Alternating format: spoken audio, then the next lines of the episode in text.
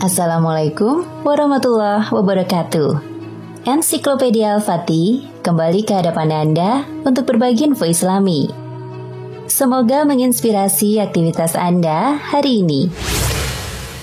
Merusak tidak disukai oleh Allah. Bahkan merusak pohon-pohon dan hewan-hewan juga tidak boleh. Oleh karena itu, Allah melarang berbuat kerusakan di muka bumi. Di antara pengerusakan itu adalah pengerusakan terhadap tanaman dan binatang. Pada hari kiamat, seorang hamba akan ditanya tentang burung kecil yang dibunuhnya tanpa alasan yang benar. Termasuk dalam hal ini adalah apa yang disampaikan oleh Rasulullah tentang teguran Allah kepada salah seorang nabinya. Para nabi memiliki tempat tersendiri di sisi Allah, tetapi ini tidak menghalangi untuk meluruskan mereka jika tindak tanduk mereka keliru, walaupun itu remeh. Benar, Allah menegur Nabi atas tindakannya yang membakar sebuah desa semut hanya karena seekor semut menggigitnya. Bukhari meriwayatkan dari Abu Hurairah bahwa Rasulullah Shallallahu Alaihi Wasallam bersabda, seorang nabi singgah di bawah pohon, dia digigit oleh seekor semut, dia memerintahkan agar barang bawaannya dijauhkan dari pohon itu, lalu dia memerintahkan agar rumah semut itu dibakar. Maka Allah mewahyukan kepadanya, mengapa tidak hanya satu ekor semut saja? Dalam riwayat Muslim dari Abu Hurairah, bahwasanya seekor semut menggigit salah seorang nabi, maka dia memerintahkan agar desa semut dibakar. Allah pun mewahyukan kepadanya, hanya karena kamu digigit oleh seekor semut, lalu kamu membinasakan sebuah umat yang bertasbih? Hadis ini diriwayatkan oleh Bukhari dalam sohehnya dalam kitab Bad'il Khalki, bab jika lala jatuh di bejana, 6 garing 356 nomor 3219. Rasulullah Shallallahu Alaihi Wasallam menyampaikan kepada kita bahwa salah seorang nabi Allah singgah di bawah pohon.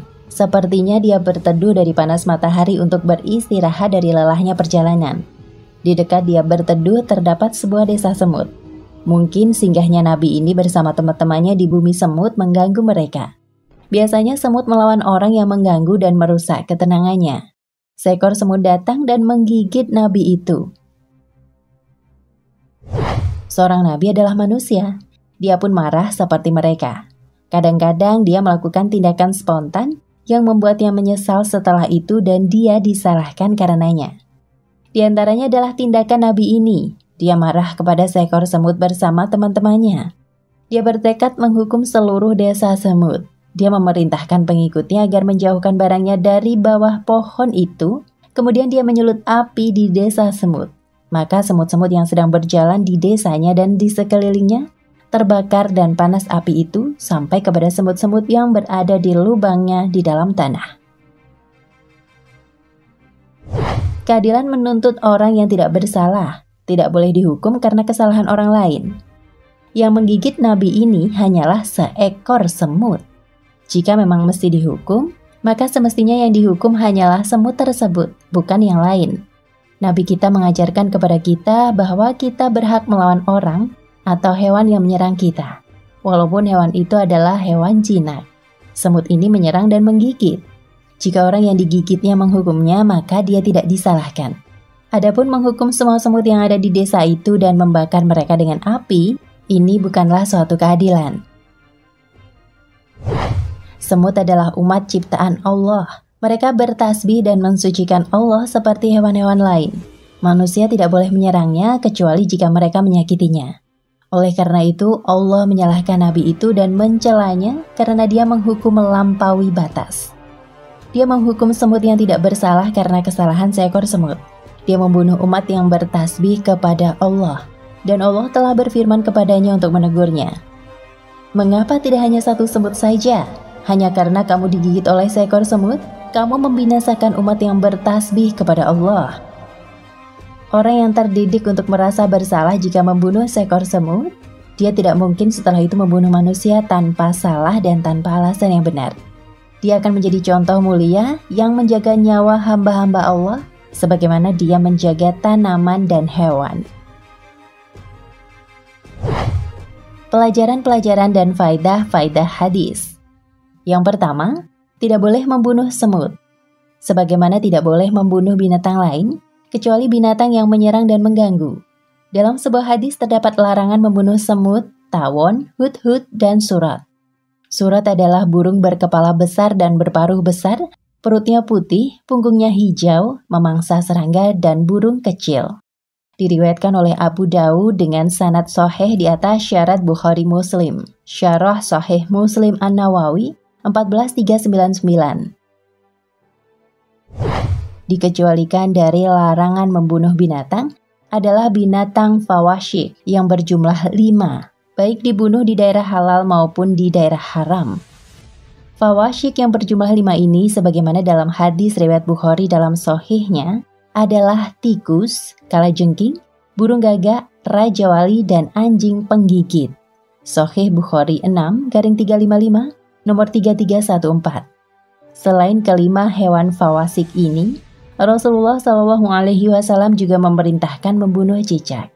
Beliau menyatakan bahwa membunuhnya adalah berpahala. Lihat hadis-hadis yang memerintahkan membunuhnya dalam Sahih Muslim 41757 nomor 2237 2240.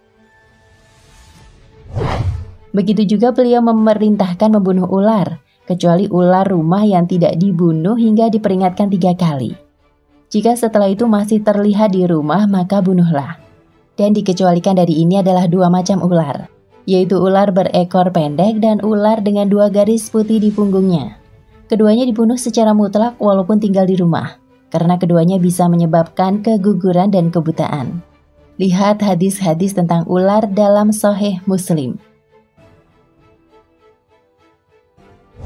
Yang kedua, membakar makhluk hidup tidak diperbolehkan dalam syariat kita.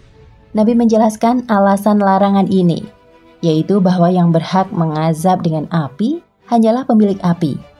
Dan ini mungkin dibolehkan di dalam syariat sebelum kita, karenanya Nabi ini membakar desa semut. Yang ketiga, semut bertasbih kepada Allah sebagaimana dinyatakan dalam hadis. Allah telah memberitakan bahwa segala sesuatu bertasbih dengan memuji Allah dan tidak ada suatu pun melainkan bertasbih dengan memujinya. Tetapi kamu sekalian tidak mengerti tasbih mereka. Quran Surat Al-Isra ayat 44 Yang keempat, hadis ini menyampaikan bahwa semut adalah sebuah umat. Allah telah memberitakan bahwa makhluk-makhluk, burung-burung dan hewan-hewan semuanya adalah umat seperti kita. Dan tiadalah binatang-binatang yang ada di bumi dan burung-burung yang terbang dengan kedua sayapnya, melainkan umat-umat juga seperti kamu. Quran Surat Al-An'am ayat 38 Nah pemirsa ensiklopedia Al-Fatih, sampai di sini perjumpaan kita kali ini. Semoga menginspirasi.